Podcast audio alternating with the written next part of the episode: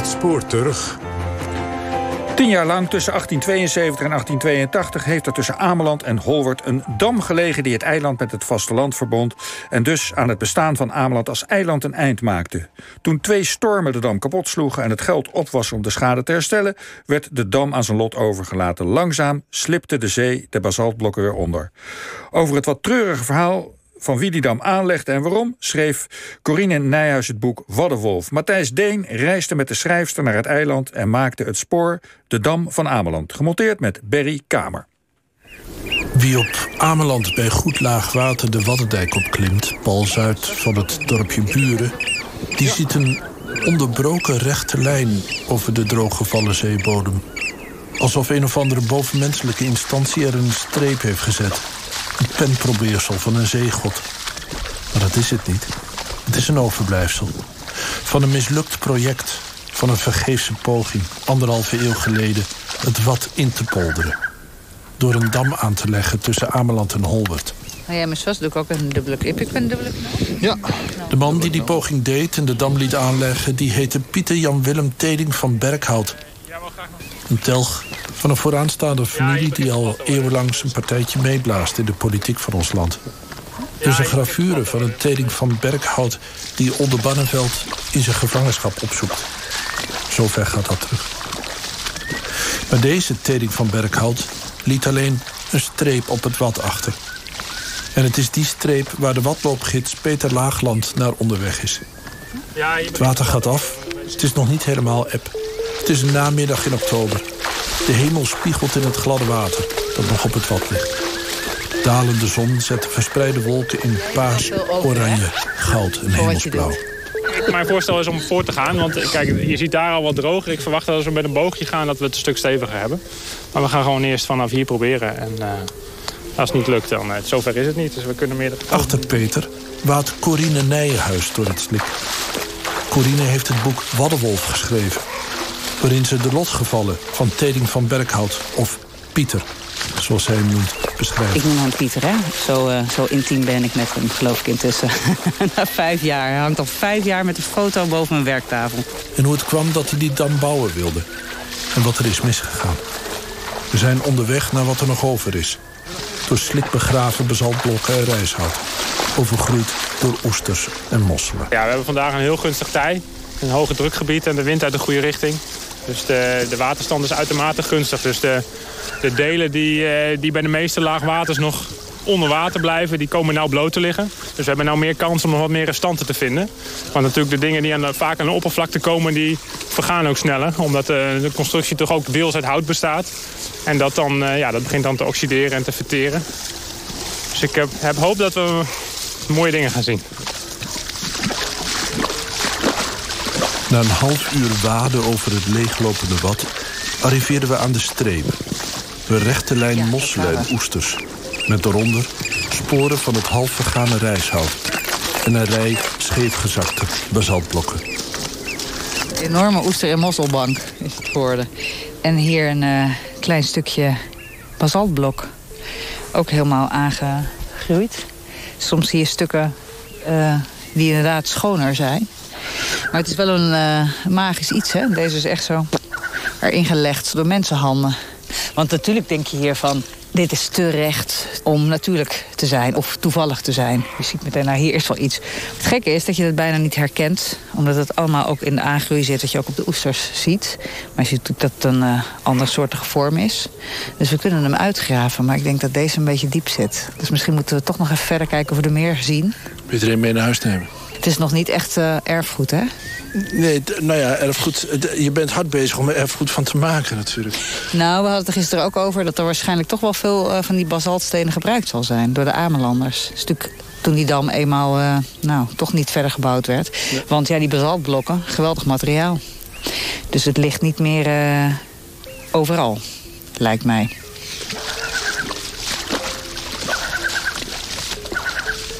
Ik heb het altijd een intrigerende geschiedenis gevonden... dat juist Ameland, al is het maar voor een korte mislukte periode van amper tien jaar... door een dam met het vasteland verbonden is geweest. En dus, strikt gezien, even geen eiland meer was.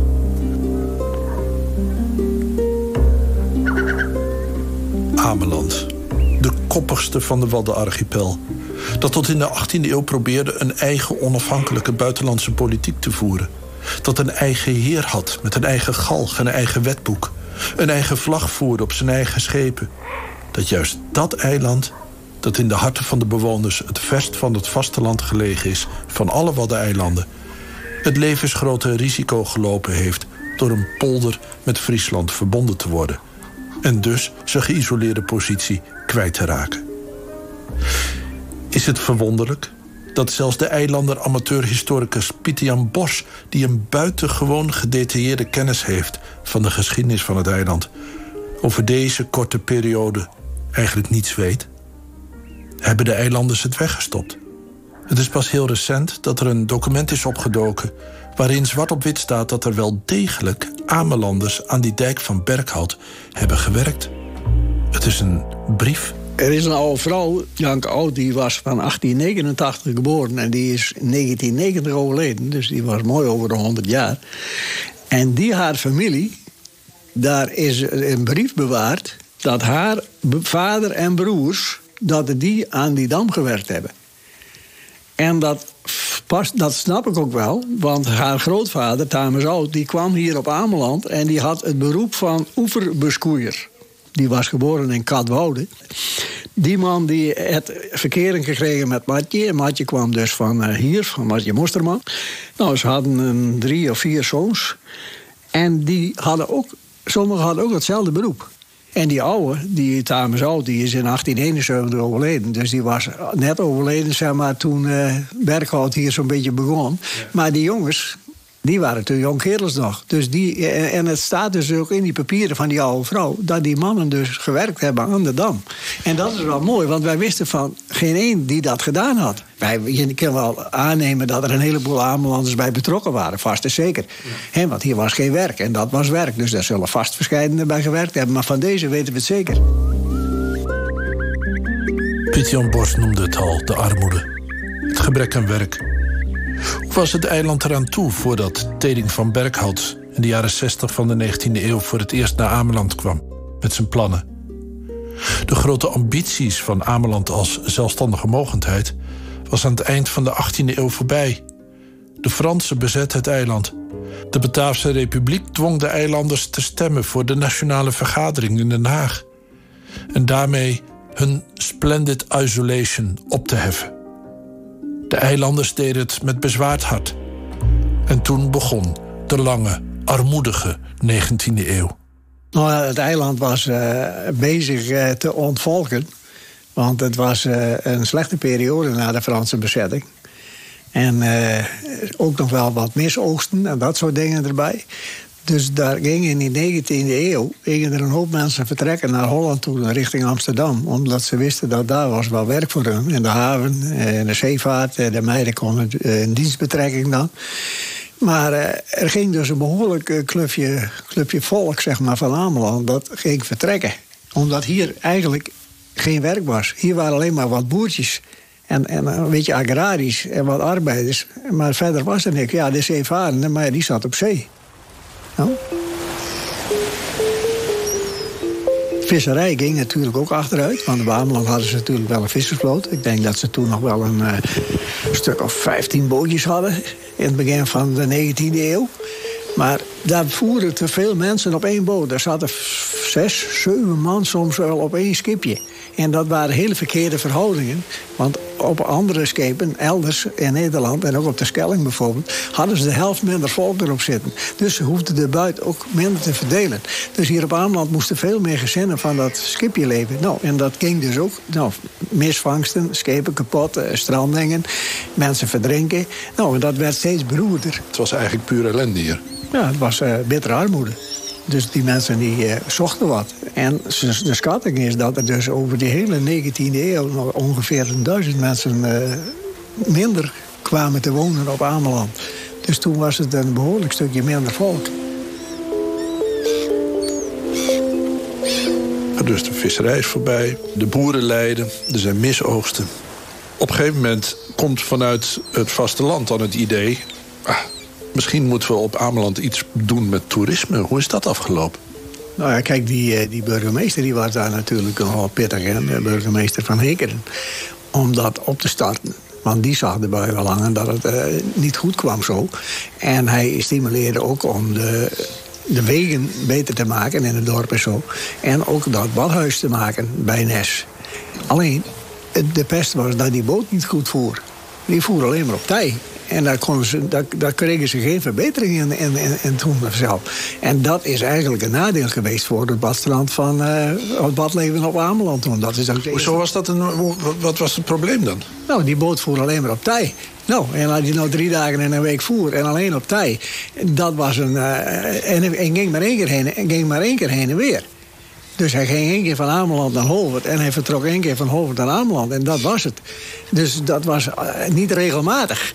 Die bootverbinding, wat moet ik me daarbij voorstellen? Wat was dat voor boot dan? Nou, dat was een zeilboot. Uiteraard. En nou ja, als er geen wind was, dan kon hij ook niet zeilen. Want dan, uh, ja, dan kon je niet varen. En als er geen water stond, kon hij niet varen. Dus er waren er dagen bij natuurlijk, dat bleef hij liggen. Dan, dan kwam je er niet. Of hij bleef steken op het water. Je dan zat daar een hele tijd te wachten tot het water weer eens opkwam. Dus er zat, niet veel uh, vastigheid in. En vergeet ook niet, de stijger waren er ook niet. Dus je moest altijd op de ree eraf.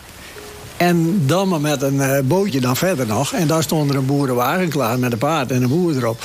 En die transporteerden de mensen dan naar het dorp toe dat ze de meeste vaste grond onder de voeten kregen. Dus dat was ook allemaal behelpen natuurlijk op zo'n oude boerenwagen. En het, het, het, ging een beetje op Jan Boerenfluitje, zeg maar. Hè? Want ja, eh, ze hadden daar ook geen verstand van. Ze wisten niet beter, dat ging al honderden jaren zo. Maar voor de toerist was dat natuurlijk niet aantrekkelijk. Geen regelmaat en ook nog behelpen daar op het wat en door een modder heen. En als je pech had, nou, dan had je ook nog natte voeten, zeg maar. Dus dat viel allemaal niet mee, hoor. Zo arriveerde begin jaren 60 van de 19e eeuw... voor een verkennend eerste bezoek... Pieter Jan Willem Teding van Berkhout... jonkheer uit Deventer... erfgenaam van de havenzaten Hoenlo te Olst.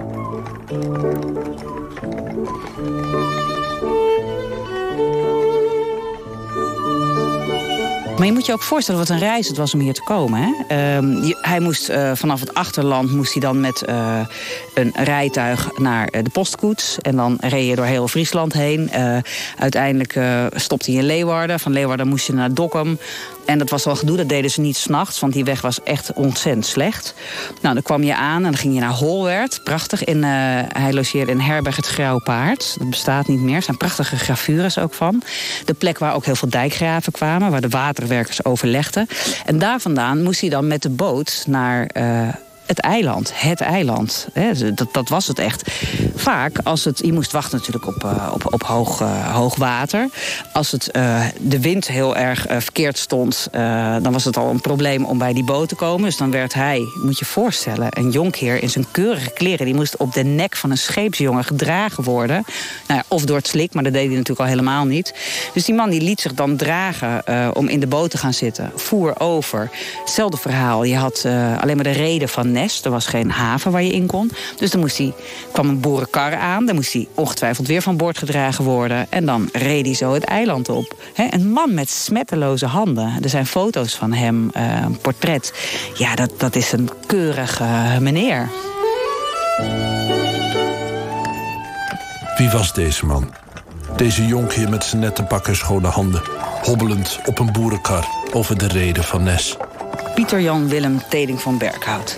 Geboren 1825, de oudste zoon in een uh, adellijke familie. En uh, die uit het achterland kwam. Deventer, hadden ze een prachtig mooi uh, groot herenhuis. En een havenzaten in Olst. Heel rijk waren ze. En Pieter als oudste zoon hoorde bestuurlijke functies te gaan doen. Hij hoorde heer van Hoenlo te worden. De landerijen te uh, bestieren wanneer zijn vader gestorven was. Maar wat deed de goede man? Die uh, raakte helemaal uh, in de greep van een landaanwinningsproject... wat ooit al een keer eerder bedacht was. iets van, nou, twintig jaar eerder. om het wat droog te gaan leggen onder Ameland.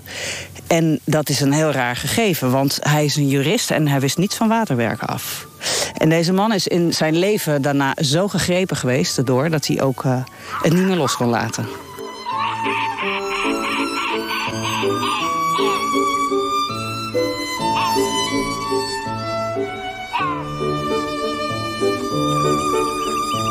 En hiermee is gelijk het raadsel van deze landjonker opgeroepen. Het raadsel dat Corine Nijenhuis bewoog tot het schrijven van haar boek Waddewolf. Hoe kan het dat deze oudste zoon en erfgenaam in geld geboren, opgegroeid aan de rivier de IJssel, op zoek naar een levensvervulling zijn hele hebben en houden in dienst stelt van een rij basaltblokken over het wat? Het begin van het antwoord is misschien te vinden in het sentiment van een gedicht van H. van Berkem, predikant te Stiens. Hij dichtte in 1850 de tocht naar Ameland bij elkaar. Over een avontuurlijke watlooptocht van een paar vrienden naar Ameland. Het wat was bevroren, ze redden het maar net. En hij sluit het lange, zeer lange, verhalende gedicht af met... Weldra, o dat het waarheid blijkt... zal Nederland door dam en dijk het eiland aan zijn kust verbinden. Dra ruist een zee van goudgeel graan... waar nu nog hoog de golven gaan... een speelbal van de woeste winden.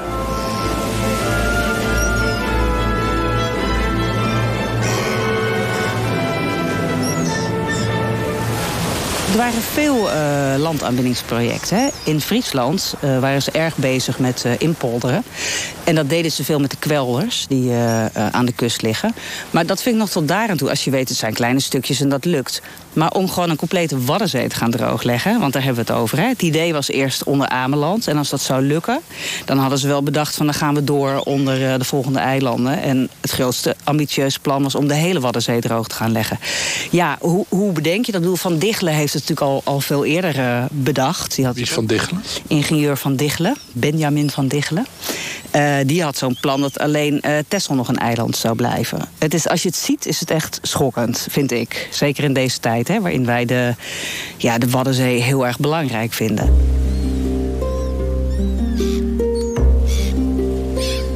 Landaanwinning, kortom, paste in de eeuw van het jonge koninkrijk natievorming en armoedebestrijding bij een groots vaderlandslievend visioen. Bovendien, Pieter was weliswaar geen waterbouwkundige, maar zijn jongere broer was het wel. En die had bij zijn vader, die ook al zo dol was op waterwerken, een streepje voor. Pieter had wat in te halen. Een hele zee indammen, dat was andere koek. Dat zou zeker de aandacht van zijn vader trekken.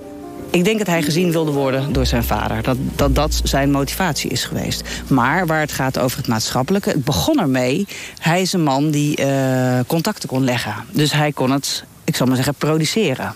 Dus het is niet zo moeilijk waarschijnlijk voor hem geweest om te denken: er is een plan. Ik zorg dat het verwezenlijkt wordt. Maar wat het wonderlijke is aan dit verhaal, is dat hij vervolgens tien jaar lang in een houtketen op Ameland is gaan wonen in zeer primitieve omstandigheden. Er was uh, een boer, Worf van Pijma, die ook waterbouwkundig was. Die had het eigenlijk bedacht. Want die kwam erachter. Je hebt op uh, onder Ameland uh, een wandtij. En dat loopt van Ameland naar de Friese kust. De wandtij is, is de meest ondiepe plek van het wat. Ja, je kan zeggen eigenlijk de, de vloed rond aan beide kanten het eiland. Hè? Op het moment dat, dat het vloed wordt. Het komt, stroomt naar elkaar toe en het komt samen op een lijn. En daar staat het stil. En uh, alles wat er in het water zit bezinkt op dat moment. Dus dat is vaak hele uh, vruchtbare grond die bezinkt. Dus het was een hele slimme gedachte. Als je daar nou een dam legt of iets waardoor dat slip waar tegenaan uh, vlijt, zou ik maar zeggen. Het bezinkt. Je doet het ook aan andere kanten, zet je ook twee dammen neer. Dan krijg je eigenlijk een soort, hoe zou ik het zeggen, een soort modderbak die langzamerhand vult.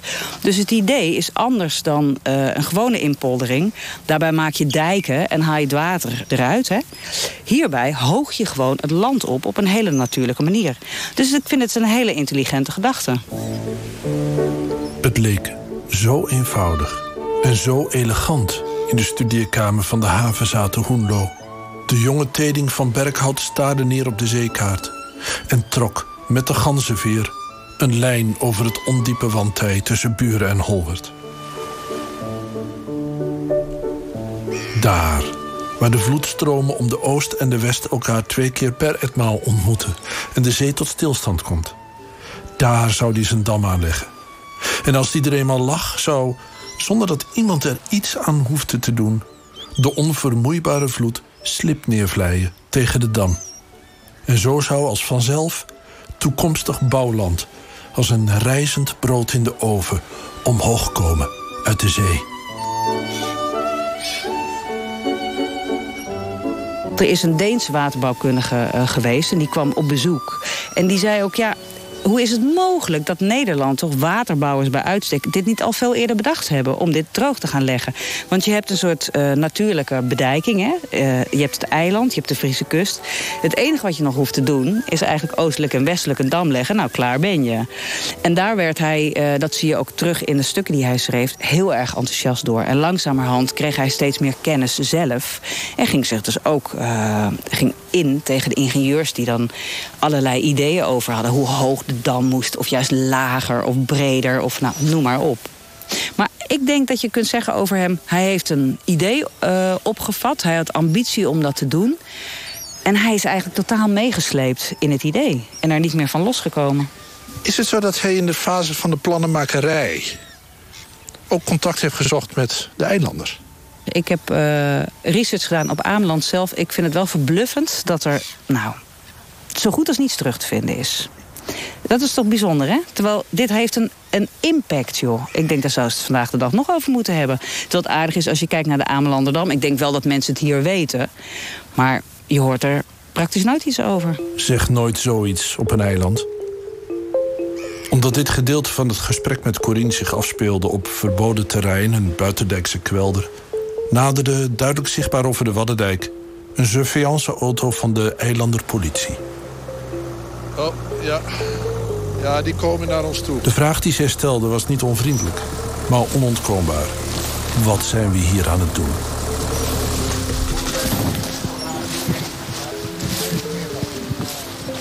Toen de dienders begrepen wat het onderwerp van gesprek was... toonden ze een bovenmatige interesse. Uh, nou, wij mogen hier niet staan. Maar het aardige is, uh, op het moment dat wij vertellen dat het gaat over uh, de Amelanderdam... en dat ik daar een boek over heb geschreven... kwam er wel een, een herkenning. Maar ook meteen de vraag, wat vind je ervan? Waarop ik dan vroeg, wat vindt u ervan? En de conclusie was dat we dat maar niet nog een keer moesten doen, die dam.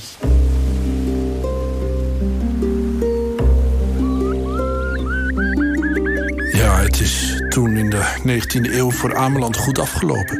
Wij weten nooit als er weer een vastelander met een plan komt. Berkhout kreeg een paar ton van Rijk en provincie, gaf aandelen uit en begon in 1870 met het werk. Hij legde matten in de geulen, zette rijshout, hoogte vanuit deze fundering op en dekte het af met basaltblokken. Tot amper een paar decimeter boven de laagwaterlijn. En in 1872 lag de dammer een strooksteen die ieder laag water aan het oppervlak kwam. Maar wie dacht dat daarmee het werk gedaan was, kwam bedrogen uit. Want toen pas begon de echte strijd van de eenling tegen de zee. Op het moment dat ze. Uh dat die, aansluiting er is hè, van in, in 1872. Dan krijg je de situatie, hij wil die, die dam ophogen. Uh, de concessie heeft een, uh, een bepaald formaat. Nou, dus je hebt de basis van de dam, je hoogt hem op... maar er is voortdurend natuurlijk een soort aanval van de zee... waardoor die dam gewoon ondermijnd wordt. Dus ze zijn en aan het herstellen en hem omhoog aan het brengen. Maar toch is het een, een heel oer-Hollands, bijna mythisch beeld... van de man die strijdt met de zee. Ja, het is me nogal een vijand hè, tegen wie het opneemt. Uh, dus dat je verliest van zoiets, van dit, wat wij allemaal hier zien ja, ik zou me toch kunnen voorstellen dat er bij hem twijfel moet zijn geweest.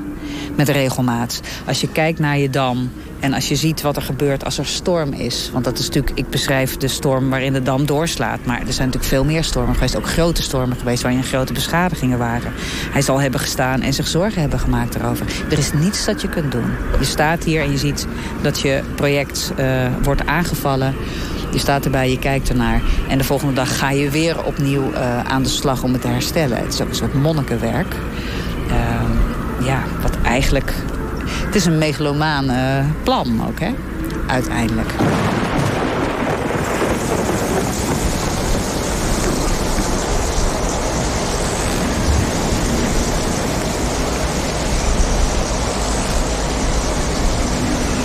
Strijd tegen de zee trok zijn wissel op uiterlijk en innerlijk van jonkheer Pieter Teding van Berkhout.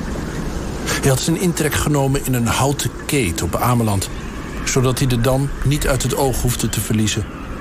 Natuurlijk, er waren dagen bij van kalm lenteweer, waarin de vloed kalmpjes kwam en ging en het wat keurig aanslipte rond de dam. Maar de frequente stormen waarin de vloed eerder om de west kwam dan om de oost, en het vloedwater, opgezweept door de westerstorm, zich ophoopte voor de dam en dan een waterval veroorzaakte, zo breed als het wat, en de dam ondergraven werd en in elkaar zakte. Dat waren de momenten dat het de idealistische 19e eeuw zwaar te moede werd. En natuurlijk kwamen de zwaarste stormen in de vroege vallen nachten van het najaar. Als de wind huilde om de houten keet en de niet meer zo smetteloze jonkheer greep naar zijn enige troost en houvast in bange dagen: zijn fluit.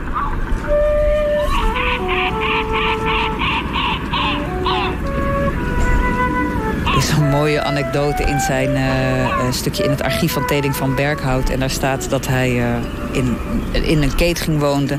waar hij, hij speelde regelmatig fluit. Dat staat er al in dat stukje. En hij zong ook alleen niet al te goed. Dus ik had er wel een enorme fantasie bij... dat deze man overdag in zijn, uh, nou, in, in eerste instantie zijn mooie kleding... maar langzamerhand natuurlijk veel meer in zijn werkmanskleding...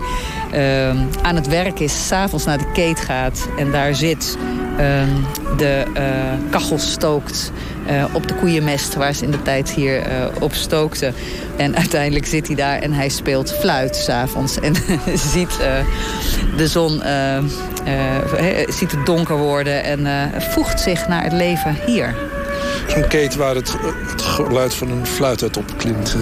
ja, ja, dat is wat het is.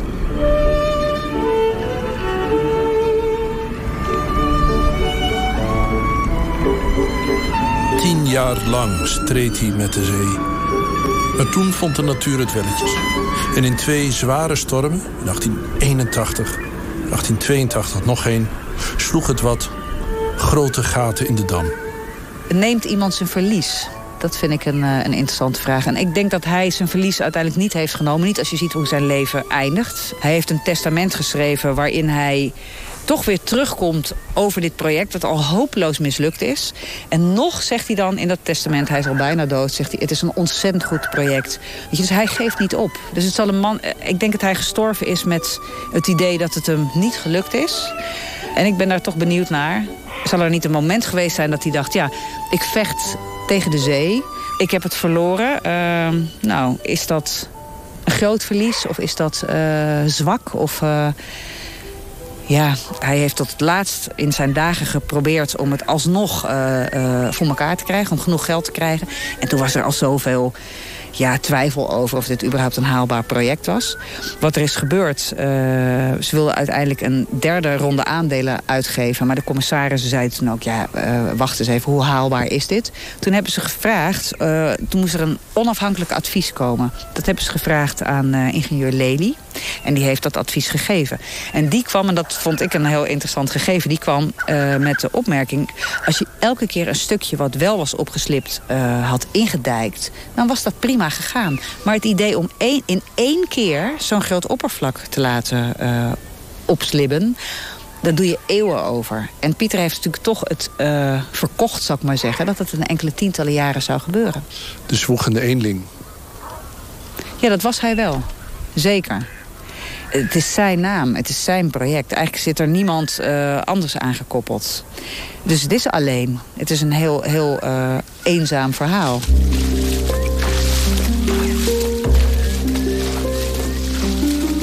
Peter, op het moment dat jij de, de dijk overgaat en op het wat komt... dat is natuurlijk een magisch moment. Want je verlaat de wereld van de lineaal.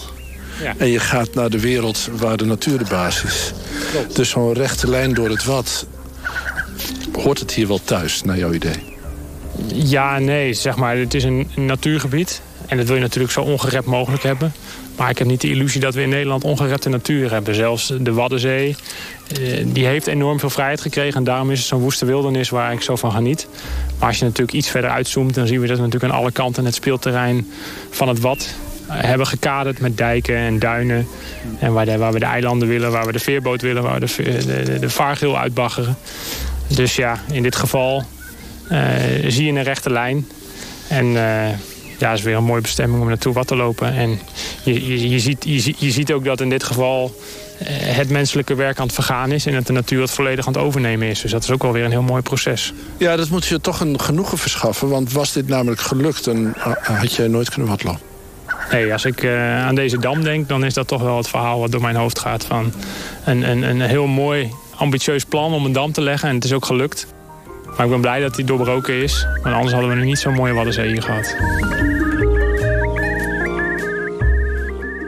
Dit was De Dam van Ameland, gemaakt door Matthijs Deen, montage Berry Kamer. Het boek van Corine Nijenhuis heet Waddenwolf. En hiermee